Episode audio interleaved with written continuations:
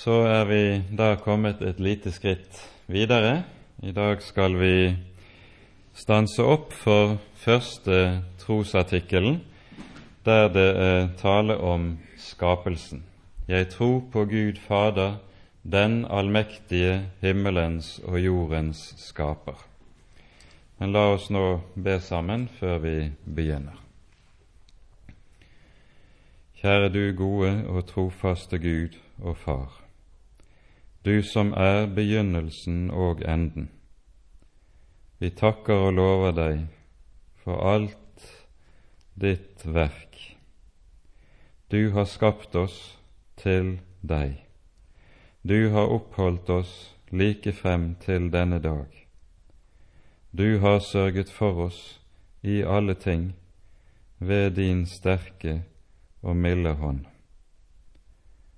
Nå ber vi, Herre, at du også vil være hos oss denne morgenstund, at du vil komme til oss i ditt ord og med din Hellige Ånd, for at vi må få lære å kjenne deg, kjenne deg og dine gjerninger, og at vi også må lære å tro deg.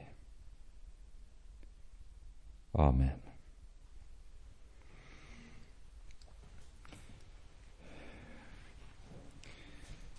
Skal vi tale om skapelsen og Guds gjerning som skaper, så syns jeg vi ikke kan gjøre dette uten at vi tar oss tid til å lese igjennom første kapittel i Første Mosebok i sin sammenheng.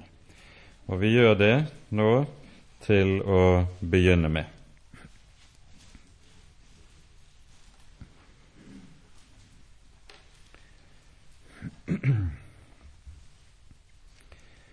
I begynnelsen skapte Gud himmelen og jorden, og jorden var øde og tom, og det var mørke over det store dyp, og Guds ånd svevde over vannene. Da sa Gud, det blir lys, og det ble lys. Og Gud så at lyset var godt, og Gud skilte lyset fra mørket. Og Gud kalte lyset dag, og mørket kalte han natt. Og det ble aften, og det ble morgen første dag. Og Gud sa, Det blir en hvelving midt i vannene, den skal skille vann fra vann. Og Gud gjorde hvelvingen og skilte vannet som er under hvelvingen, fra vannet som er over hvelvingen. Og det ble så. Og Gud kalte hvelvingen himmel, og det ble aften, og det ble morgen annen dag. Og Gud sa, Vannet under himmelen samle seg til ett sted, og det tørre land komme til syne. Og det ble så. Og Gud kalte det tørre land jord, og vannet som hadde samlet seg, kalte han hav. Og Gud så at det var godt og Gud sa, Jorden bærer frem gress, urter som sår seg, frukttrær som bærer frukt med deres frø i på jorden, hver etter sitt slag. Og det ble så. Og jorden bar fram gress, urter som sår seg, hver etter sitt slag, og trær som bærer frukt med deres frø i, hver etter sitt slag. Og Gud så at det var godt. Og det ble aften, og det ble morgen tredje dag.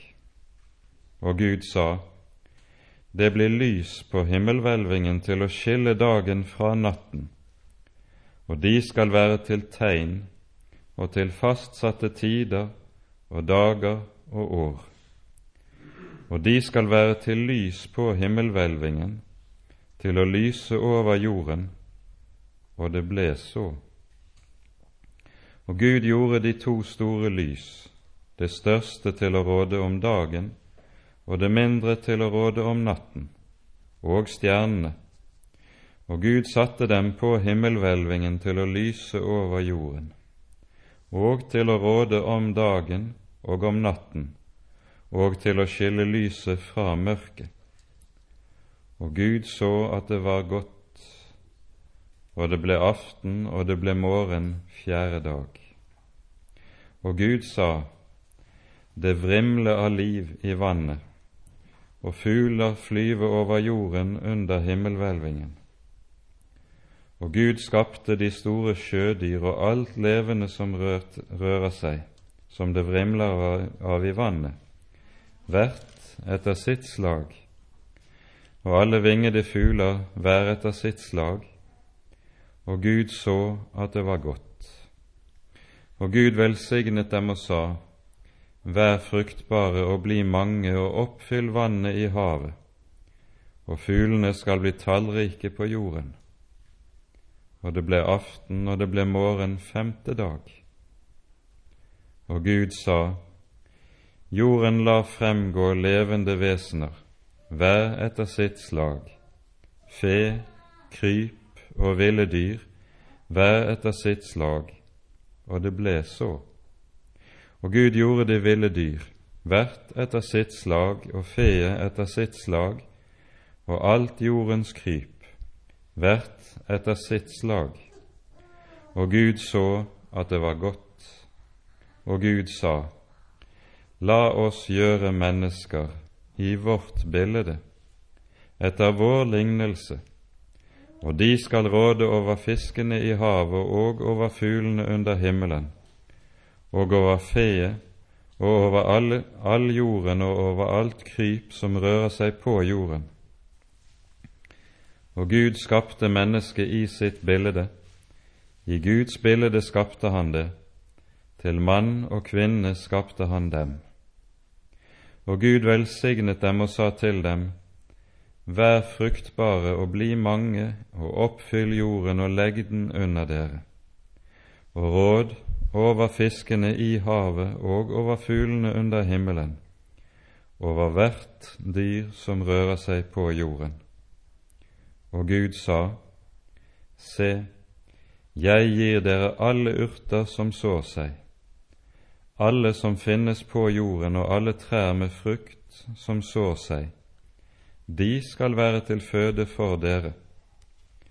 Og alle dyr på jorden og alle fugler under himmelen, og alt som rører seg på jorden, alt som det er livsånde i, gir jeg alle grønne urter å ete. Og det ble så. Og Gud så på alt det han hadde gjort, og se, det var såre godt. Og det ble aften, og det ble morgen, sjette dag. Så ble himmelen og jorden med hele sin hær fullendt. Og Gud fullendte på den syvende dag det verk han hadde gjort, og han hvilte på den syvende dag fra all den gjerning han hadde gjort. Og Gud velsignet den syvende dag og helliget den, for på den hvilte han fra all sin gjerning, den som Gud gjorde da han skapte. Amen.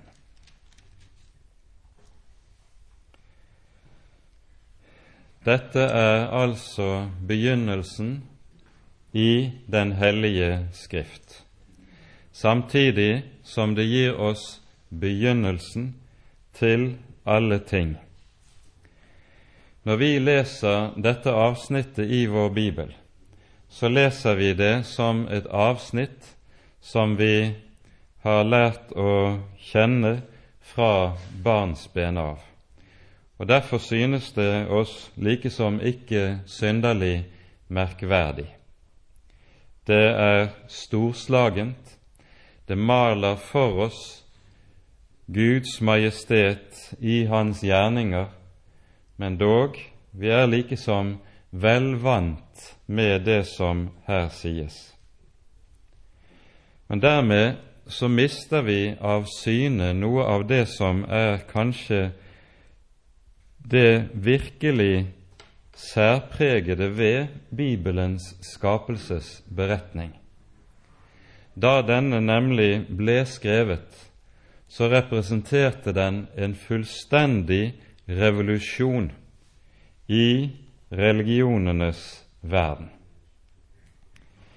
Vi har jo blitt opplært gjennom liberal teologi til å tenke som så at Bibelens skapelsesberetning bare er et speilbilde av hvorledes datidens mennesker tenkte om skaperverket og om Gud. Det er altså like som primitive menneskers forestilling om hvorledes en tenkte seg at verden var blitt til, og at Gud hadde gjort alle ting. Ingenting kan være mer fra sannheten enn nettopp det.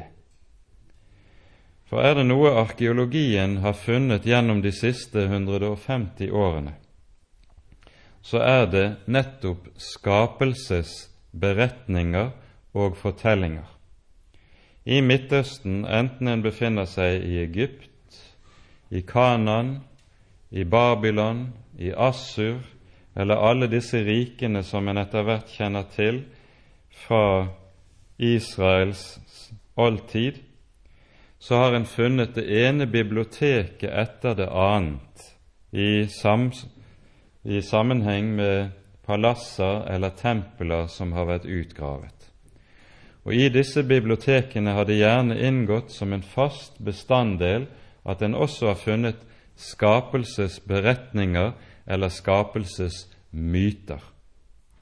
Og I disse skapelsesmytene får vi vite nettopp hvorledes datidens mennesker tenkte om verden, om verdens tilblivelse om gudenes forhold til skaperverket. Og Det som nettopp kjennetegner da Bibelens skapelsesberetning, er at den er totalt forskjellig fra alt det vi hører i disse skapelsesmytene. Bibelens skapelsesberetning er langt ifra noe speilbilde av hvorledes datidens mennesker tenkte om verden og om verdens tilblivelse. Tvert om. Den gir virkelig en revolusjon i verdens bilde og tenkesett. Og for ganske kort å illustrere noe av dette, så kan vi peke på hva som er typisk for noen av disse skapelsesfortellingene. Her er det ikke slik som det lyder i Første Mosebok i begynnelsen skapte Gud. Det som vi derfor hører, er at det ikke er en egentlig begynnelse. Det er noe som er fra evighet av, og det er gjerne urhavet eller urprinsippet. Og dette urprinsippet som en finner i urhavet, det er todelt. Det består av noe mannlig, noe kvinnelig, som ligger der fra evighet av. Og så kommer det en bevegelse i dette urhav og urprinsipp, og ut av dette fødes så de første gudevesenene, urgudene. Og gjennom seklene så skaper disse første urguder nye guder og gudevesener, inntil det blir så mange at det også til slutt blir rivalisering og kamp mellom gudene. Hvorpå det da gjerne er en hovedgud som reiser seg for makt, slår i hjel ur-uhyre, og av det døde ur-uhyrets kropp skaper så denne fremste Gud verden med alt dens mangfold. Det vi altså ser skje i disse opprinnelige eller disse skapelsesmytene som er i Bibelens omverden, det er at disse ikke er beretninger om hvorledes jorden og universet blir til, men det er beretninger om hvorledes for det første gudene blir til. Gudene er skapt nøyaktig på samme måte som mennesket er det. Og dypest sett er det intet avgjørende skille mellom gudene og mennesket. Den eneste forskjell på guder og mennesker, det er at gudene er mektigere enn menneskene fordi de ble til før menneskene. Likevel, gudene og menneskene er vesens like. Tilsvarende er det også som en følge av denne måte å tenke om skaperverket på som vi finner i disse urmytene, så er det heller ingen avgjørende forskjell på godt og ondt. Godt og ondt ligger der fra evighet av som noe som er innbakt i selve skaperverket. Og Derfor er det onde like evig som det gode. Det ligger der som tilværelsens urgrunn. Og så ser vi at på disse to avgjørende punkter skiller Bibelens skapelsesberetning seg altså fullstendig fra alt det som var vanlig å tenke i oldtiden. For hva er det vi hører i Første Mosebok? Det første verset som vi leste, det setter i seg selv en total skille mellom Bibelens måte å tenke på og det vi hører i Bibelens omverden. I begynnelsen skapte Gud. Med dette sies det for det første materien, det skapte, det er ikke evig. Det er noe som en gang er blitt til ved en bestemt tid, og det er blitt til ved den evige og allmektige Guds vilje. Denne Gud er ikke selv skapning, er ikke selv en del av det skapte, men står over det skapte, evig avskilt fra det skapte i det han er skaper, ikke skapning, og derfor heller ikke av samme natur og vesen som det skapte. Det er altså et grunnleggende skille mellom skaper og skaperverk. Og Dermed ser vi også at det Bibelen gjør her, det er at i skapelsesfortellingen så lærer den oss ikke først og fremst noe viktig om skaperverket, det gjør den òg, men den lærer oss noe helt grunnleggende om hvem Gud er. Skapelsesfortellingen er først og fremst en fortelling som sier oss noe avgjørende om hvem Herren, Israels Gud, er, om hva det skapte er i forhold til ham. Det som skapelsesfortellingen altså gjør, det er at den setter skaperverket inn i et bestemt forhold til Gud, og dette forhold er totalt annerledes enn det du finner i hedenskapet. Det er et vesensskille mellom skaper og skaperverk. Det er det første vi merker oss. Dette sies oss ved for det første dette ordet som lyder 'i begynnelsen'. Senere i Den hellige Skrift så gir Gud seg selv et bestemt navn og sier om seg selv Jeg er den første og den siste. Jeg er begynnelsen og enden. Han er alle tings opphav og alle tings mål. Med dette så sier Herren altså noe fundamentalt om seg selv. Det skapte er blitt til ene og alene fordi Gud har villet det.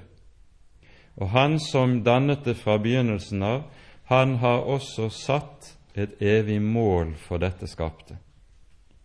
Det er en dyp sammenheng, nemlig, i Skriften mellom begynnelsen og enden.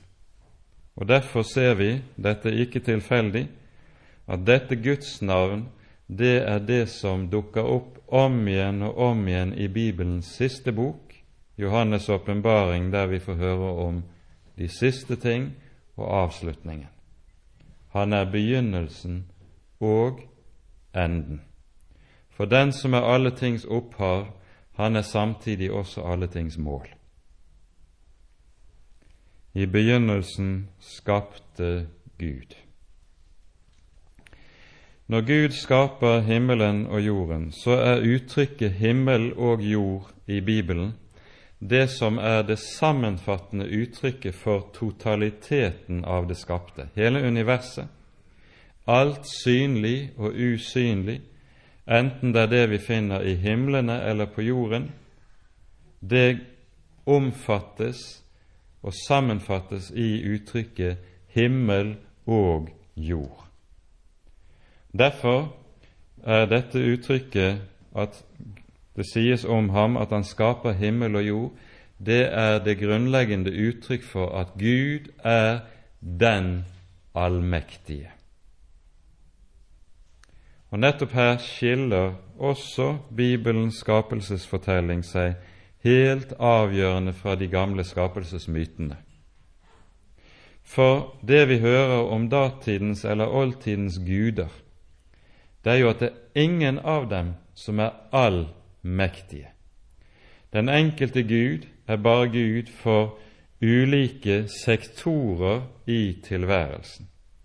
Du har én Gud for krigen, en annen Gud for freden, en Gud for ett bestemt folk, et annet Gud for et annet folk, en Gud for høst og grøde, en annen Gud for familie og ekteskap, osv. Og ingen av disse gudene er allmektige. De har sin begrensede makt og sitt begrensede område. Men Bibelens Gud, han er nettopp den allmektige, hvis makt ikke er begrenset av noen annen Gud som står ved hans side og kan influere på ham. Dette kommer ikke minst i skapelsesberetningen til uttrykk ved det vi hører om den fjerde skapelsesdagen. For hva er det som blir til på fjerde skapelsesdag? Der hører vi om tilblivelsen av sol, måne og stjerner. I oldtiden tenkte en jo nemlig slik at solen, månen, planetene og stjernene de var nettopp guddomsmakter som styrte og influerte på menneskenes tilværelse her nede på jorden. Og Det som var, var, avgjørende viktig for menneskene da, det var nettopp å søke å leve i harmoni og finne vei imellom disse ulike guddomsmaktene som rådet på himmelhvelvingen. Når skapelsesberetningen her plasserer disse på fjerde dag, så sier det med det dette er ikke makter som er fra begynnelsen av. Det er ikke guder. Det er skapning, på samme måte som alt annet som er skapt. De har ikke guddommelige krefter knyttet til seg. Det er kun tjenere for Gud som er plassert på himmelhvelvingen med sitt eget formål for øye. Han som er Herre, styrer også disse. Det er ikke de som styrer menneskene, men det er Gud som gjør det. Og dermed så fratas astrologien sin makt og betydning bare ved denne måte å skrive på, som vi hører det. Sol, måne og stjerner står der den fjerde dagen, ikke første dagen. I begynnelsen skapte Gud himmelen og jorden. Det neste vi skal merke oss i skapelsesfortellingen, er selve dette ordet 'skapte'. For det er et meget spesielt ord i Bibelens grunntekst i hebraisk. Det er nemlig et verb som vi i Bibelen utelukkende møter med Gud som subjekt. Det å skape kan aldri sies om mennesket. Når det tales om et menneske at det skaper eller danner noe, så brukes det andre verb. Dette spesielle verbet, bara, lyder det på hebraisk, det kan kun brukes med Gud som subjekt. Og det peker på at her er vi inne på noe som er Guds ene område, der intet menneske, ingen skapning, kan ettergjøre eller etterligne ham. Og det som ligger i dette ordet, i det det brukes kun med Gud, kun om Gud, det er at det betyr ganske særlig å frembringe av intet. Her er det altså tale om at når Gud skaper, så er det intet materiale til på forhånd. Han trenger ikke noe verktøy, han trenger ikke noe utgangspunkt for det. Han frembringer i ordets mest bokstavelige forstand av intet. Det ligger det i dette ordet. Og Derfor er det også slik at der dette ordet anvendes, og når det sies at Gud skaper, så brukes det alltid for å betegne noe som er kvalitativt nytt når Gud gjør det. Og Derfor er det også slik at i Første Mosebok, første kapittel, så anvendes dette verbet tre, ved tre ulike anledninger. Første gang vi hører det, det er akkurat her i vers 1. I begynnelsen skapte Gud. Her frembringer han alt det av intet. Og Så ser vi de neste skapelsesgjerninger som følger etter dette, handler om hvorledes Gud så ordner, griper ordnende inn i det han nå har frembrakt. Men så dukker ordet 'skapte' opp på ny. Og det finner vi andre gang i vers 21. Og hva er det vi da står overfor? Gud skapte de store sjødyr osv., alt levende som rørte seg som vrimler i vannet, og så fuglene. Det vi nå hører om, det er frembringelsen av livet. Og det er nettopp noe som er kvalitativt nytt i forhold til det som er skapt forut for dette. Forut for dette er det skapt det som er ikke levende. Men nå dannes livet. Og så kommer altså dette verbet på ny i vers 21. Tredje gangen vi møter det i skapelsesberetningen, når er det? Jo, det skjønner dere, det er i forbindelse med skapelsen av mennesket. Og da, i vers 27, møter vi dette verbet tre ganger. Og det sier oss det helt grunnleggende at når mennesket skapes, så er det også noe som er kvalitativt nytt i forhold til alt det foregående som er gjort. Dermed, bare ved å bruke dette verbet, så sier Bibelen skapelsesberetning oss at mennesket er kvalitativt forskjellig også fra dyrene. Mennesket er ikke, slik vi får høre det i våre dager, blott og bart et høyere stående dyr. Mennesket er nettopp, som vi her forstår det, kvalitativt forskjellig fra dyrene. Og hva er det som gjør mennesket forskjellig? Det er skapt i Guds bilde. Gud har lagt evigheten ned i dets hjerte. Vi skal se nærmere på dette om vi får tid til det etter hvert. Med dette er det dermed også sagt noe som er viktig for oss å være klar over. Bibelens skapelsesberetning, den står, slik vi hører den her, i klar kontrast til og er på kollisjonskurs med det vi gjerne kaller for utviklingslære. Mennesket er ikke blott og bart en videre utvikling av apekatter, som har hoppet ned fra trærne og etter hvert har utviklet hjernen sin og blitt noe lite grann klokere enn de som henger der oppe. Nei, mennesket er og blir avgjørende og kvalitativt forskjellig fra dyrene. Det bærer Guds egen stempel. Og Det innebærer også at Bibelens skapelsesberetning står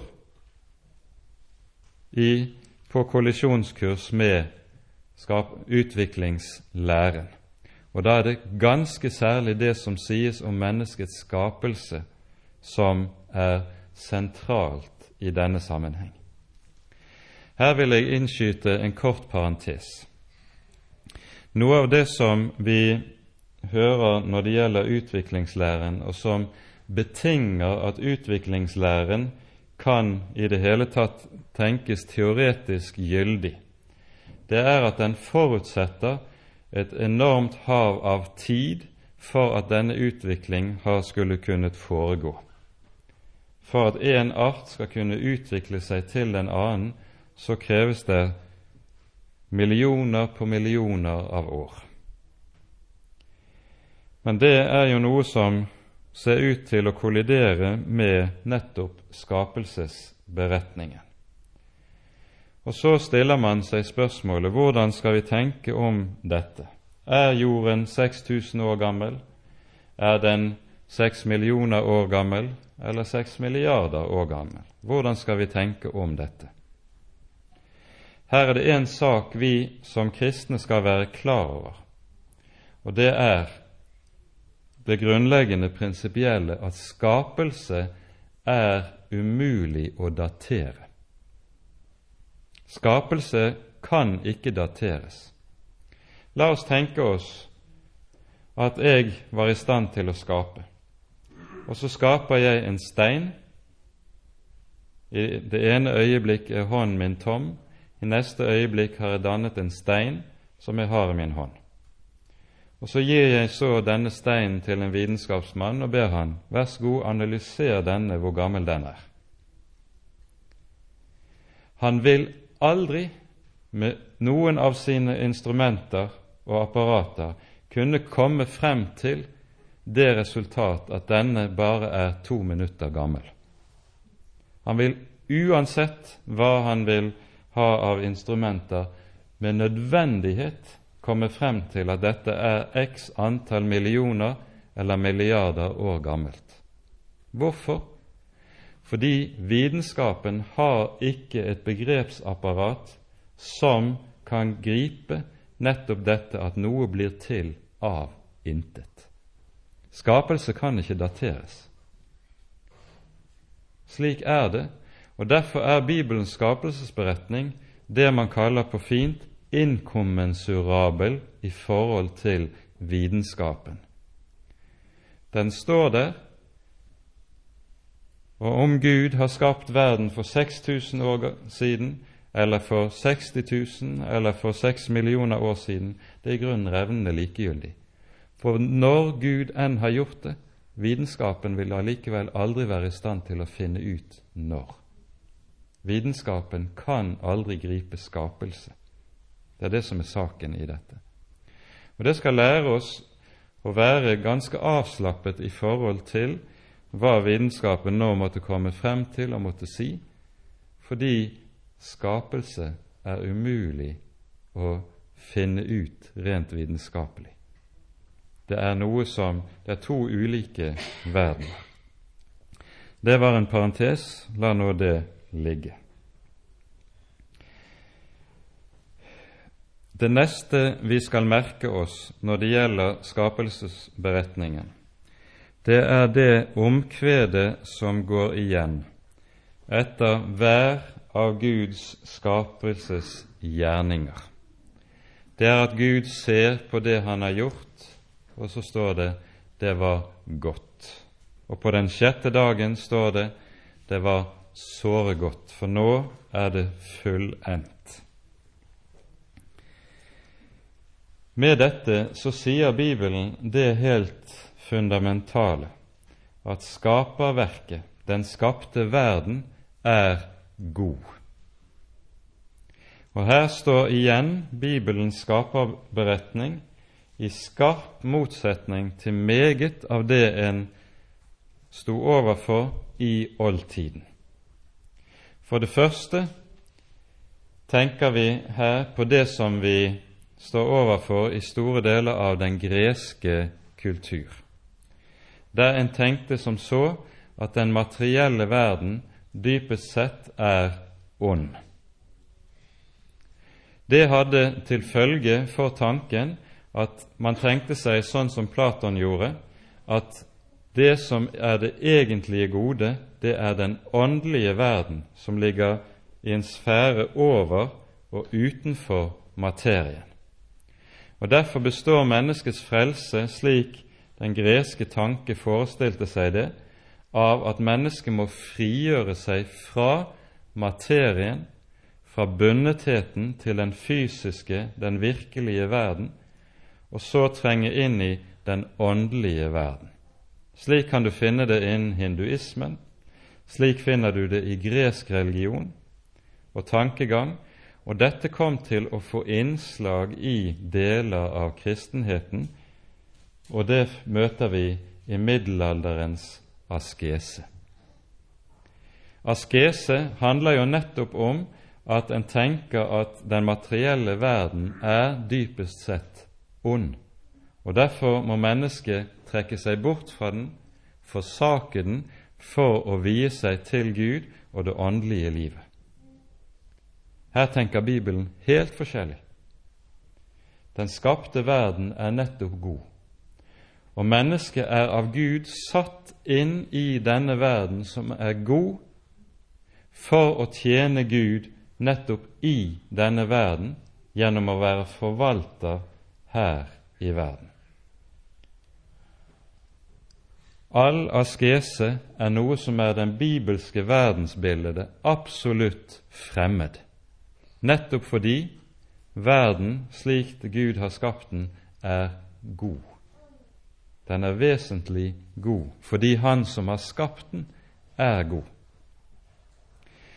Da den kristne tro begynte å gjøre seg gjeldende i den hedenske verden, i det greske hedenskap i, Romerriket, så kom kristentroen veldig fort til å stå overfor en vranglære som vi gjerne kaller for gnostisismen. En del av dere har gjerne hørt om den. Og Denne gnostisismen er kjennetegnet av nettopp at den tenkte seg at den skapte verden, den er ond. Materien er ond. Og Det gnostikerne da trakk som slutning av dette, var ganske logisk. De trakk som slutning av det er verden, den materielle virkelighet, ond, må følgelig den som har skapt den materielle virkelighet, også være ond. Følgelig lærte de det er djevelen som har skapt verden, ikke Gud.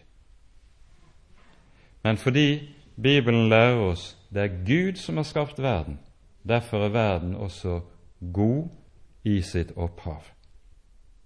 Så er det kommet til et syndefall som har gjort at alle ting er kommet i ulage, men slik var det altså ikke fra opprinnelsen av.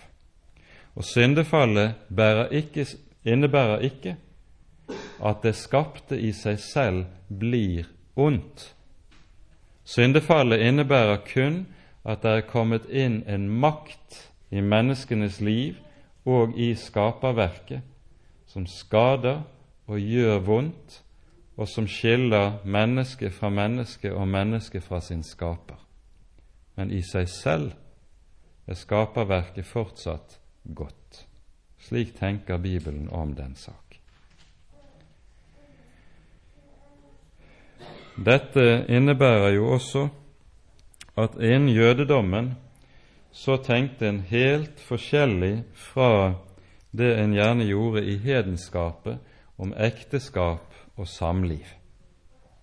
Ekteskapet ble i jødedommen sett på ikke bare som en Guds gave, og samlivet mellom mann og hustru i ekteskapet som en god Guds gave, men til og med også som en plikt. For en jøde er det en plikt å gifte seg. Sånn er det ikke i vår kultur, men det var en naturlig følge av slik som en tenkte om dette. Mens i middelalderens ø, kristendom, som altså i sterk grad var influert av ø, gresk tenkning, så ble avholdenhet fra ekteskapet og avholdenhet i forhold til det som har med det kjønnslige samlivet mellom mann og hustru, det ble sett på som selve idealet. Det er utenkelig ut fra Bibelens måte å tale om disse ting på. Og Derfor ser vi også at askesen det er noe som er fremmed innen jødedommen. Der finner du det ikke. For jødedommen er så sterkt preget nettopp av skapelsesberetningen på dette området at du ikke finner den der. Og Også på dette området så innebærer jo reformasjonen et brudd med katolisismen og dens innflytelse og en tilbakevending til troen på det skapte er godt. Og så får du oppbruddet fra askesen, fra munkevesenet og alt det som hørte til det i middelalderen som følge av det. Og det betyr, det skal vi merke oss, reformasjonen innebærer altså ikke bare en gjenoppdagelse av evangeliet. Det innebærer også en gjenoppdagelse av hva skapelsen egentlig handler om for oss som mennesker her i verden. Det er viktig å være klar over.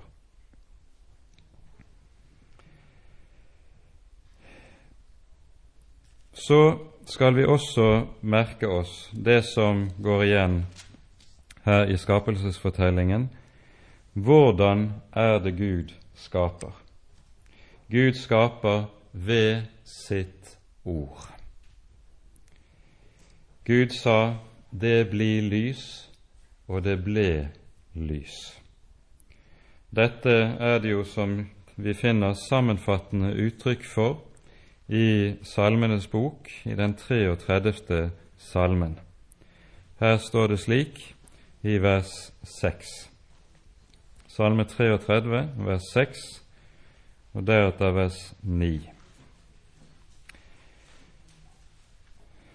Himlene er skapt ved Herrens ord, og all deres hær ved Hans munns ånde. Og Dernest vers 9. For han talte, og det skjedde. Han bød, og det sto der. I dette ser vi allerede fra begynnelsen av det som er Guds verktøy når Han skal ha noe Han vil ha gjort inn i verden inn i menneskenes liv og i historien. Guds verktøy er Hans ord. Han taler, og det skjer.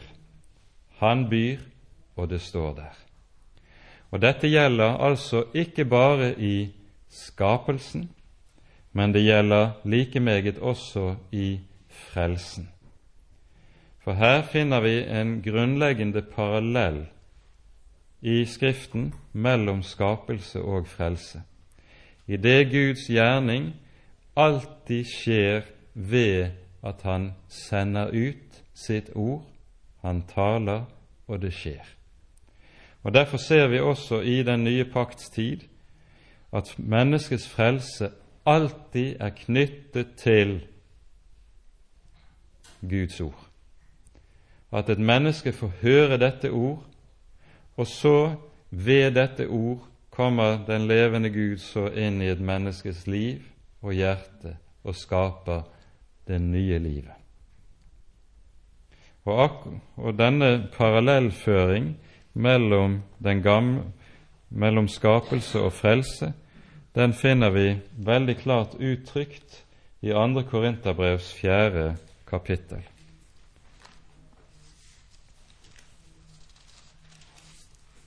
Her står det slik i vers 6.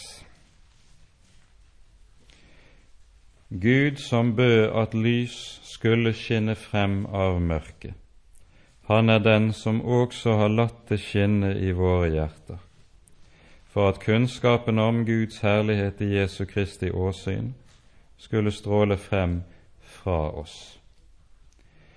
Han skapte i begynnelsen ved at han talte. Og akkurat som skaperverket i begynnelsen betød at Gud lar lys stråle inn i mørket, så handler frelsen om nøyaktig det samme, at Han skaper lys inn i mørket i en fallen menneskehet, inn i mørket hos hjerter som er fanget i synden og i døden. Og så skaper Han dette lys. Hvordan? Ved sitt ord. Dette sitt ord, hva det er, det lærer vi også tydelig og klart i Det nye testamentet. For i innledningen til Johannesevangeliet finner vi denne teksten der Johannes sier som så i begynnelsen var Ordet, og Ordet var hos Gud, og Ordet var Gud. Han var i begynnelsen hos Gud. Alt er blitt til ved ham, og uten ham er ikke noe blitt til av alt det som er blitt til. Og så noen vers nedenfor og ordet ble kjød. Dette Guds ord som han taler i begynnelsen, det er Guds egen sønn. Og dermed så understrekes det for oss det som er fundamentalt også i skapelsesberetningen, det er ikke Faderen alene som skaper, men i skaperverket så virker de tre personene i Gud sammen til å skape. Derfor er det slik at når vi i trosbekjennelsen knytter skapelsen til Faderen i første artikkel Jeg tror på Gud Fader, den allmektige himmelens og jordens skaper, så kan denne veldig lett binde tanken vår til å tenke slik at det er Faderen som er opphav til skapelsen, og så Sønnen til frelsen. Da skal vi være klar over at dette kun er en pedagogisk forenkling, der poenget er bibelsk at alle de tre personene i Gud er til stede og virker sammen i skapelsen. Derfor møter vi Skaperen som taler sitt ord, og det er Sønnen. Og så hører vi Ånden sveve over vannene, og i det møter vi de tre første personene i guddommen allerede på Bibelens første blad. Og disse tre personene i Gud, de møter vi igjen ganske særlig i forbindelse med skapelsen av mennesket. For når mennesket skal skapes, da møter vi det faktum at Gud har en rådslagning i seg selv og sier La oss skape mennesker i vårt bilde. Gud sier ikke 'jeg vil skape mennesker i mitt bilde', men det står 'la oss skape mennesker i vårt bilde'.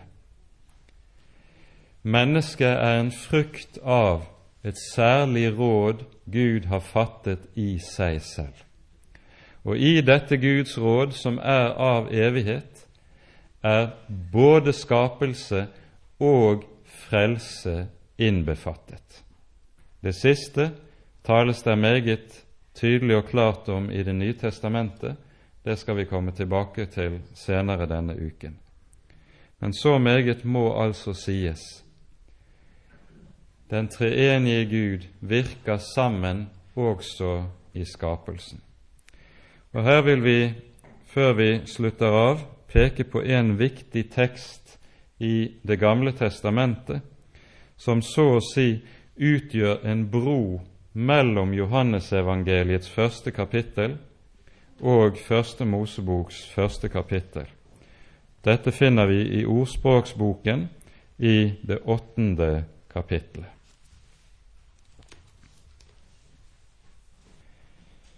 Her i kapittel åtte møter vi visdommen, Guds egen visdom. Og vis, Guds visdom opptrer som en egen eller selvstendig person som altså virker i skaperverket. Og Da må vi peke på Vi leser her, for sammenhengen sin del tar vi oss tid til å lese fra vers 22 av og stykket utover. Herren skapte meg, det er visdommen som taler. Det ordet som her er omsatt med 'skapte', det er en feil oversettelse. Det skal egentlig stå 'fødte meg' eller 'fikk meg' så fra begynnelsen av, skal det stå. For visdommen er ikke skapt av Gud, den er født av Gud. Og det hebraiske ordet i grunnteksten betyr også det. Men altså, Herren fødte meg som sitt første verk før sine andre gjerninger i fordums tid. Fra evighet er jeg til, fra først av før jorden var. Da avgrunnen enda ikke var blitt til, ble jeg født, da det ennå ikke fantes kilder fylt med vann. Før fjellene ble senket ned, før haugene ble til, ble jeg født. Før han hadde skapt jord, mark og jordrikets første muldklump. Da han bygget himmelen, var jeg der. Da han slo hvelving over avgrunnen, da han festet skyene oventil, da han bandt avgrunnens kilder, da han satte grense for havet så vannet ikke går lenger enn han byr, da han la jordens grunnvoller, da var jeg verksmester hos ham. Og jeg var hans lyst, hans glede dag etter dag, jeg lekte for hans åsyn. Jeg lekte på hele hans vide jord, og min lyst hadde jeg i menneskenes barn. Her er det visdommen som taler, og visdommen taler som den som nettopp er Guds medarbeider i skapelsen. Og Da skal vi være oppmerksom på at det greske ord som brukes i Johannesevangeliets første kapittel, når det sies i begynnelsen var Ordet, i begynnelsen var Logos. Da er det slik at dette greske ordet 'logos' det betyr ikke bare ord, men det betegner den grunnleggende fornuft eller visdom som ligger under og i alt det skapte. Slik var det i gresk tanke. Og Dermed så var det slik at ordet 'logos' også betyr nettopp visdommen, og så har vi liksom broen over her til Ordspråksbokens kapittel 8. Den visdom ved hvilken Gud skaper alt det, er Ordet Sønnen som senere trer ned i skaperverket og blir kjød og blir menneske. Det kan være meget annet å si om disse ting, men vi rekker ikke mer i dag. Men jeg håper vi har pekt på noen av de grunnleggende saker som Bibelens skapelsesberetning holder frem for oss. For det som er avgjørende viktig for oss å være klar over her, det er at Bibelens skapelsesberetning det er den som ligger under absolutt alt annet som tales i Den hellige Skrift. Innen filosofien og vitenskapsteorien har man de siste 50-100 år blitt mer og mer oppmerksom på at det som styrer all menneskelig tanke, det er det man kaller for virkelighetsforståelsen. Hvilken, hvilken virkelighetsforståelse har jeg? Det avgjør så hvorledes jeg tenker på alle andre områder i tilværelsen. Og Her er da hele poenget at det som setter virkelighetsforståelsen for oss som Guds folk, det er nettopp skapelsesberetningen.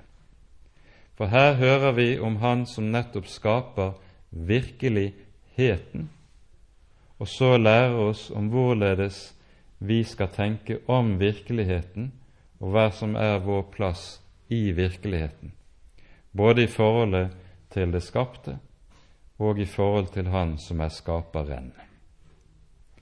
Men det får vi tale mer om senere. Ære være Faderen og Sønnen og Den hellige ånd, som var og er og være skal en sann Gud, høylovet i evighet. Amen.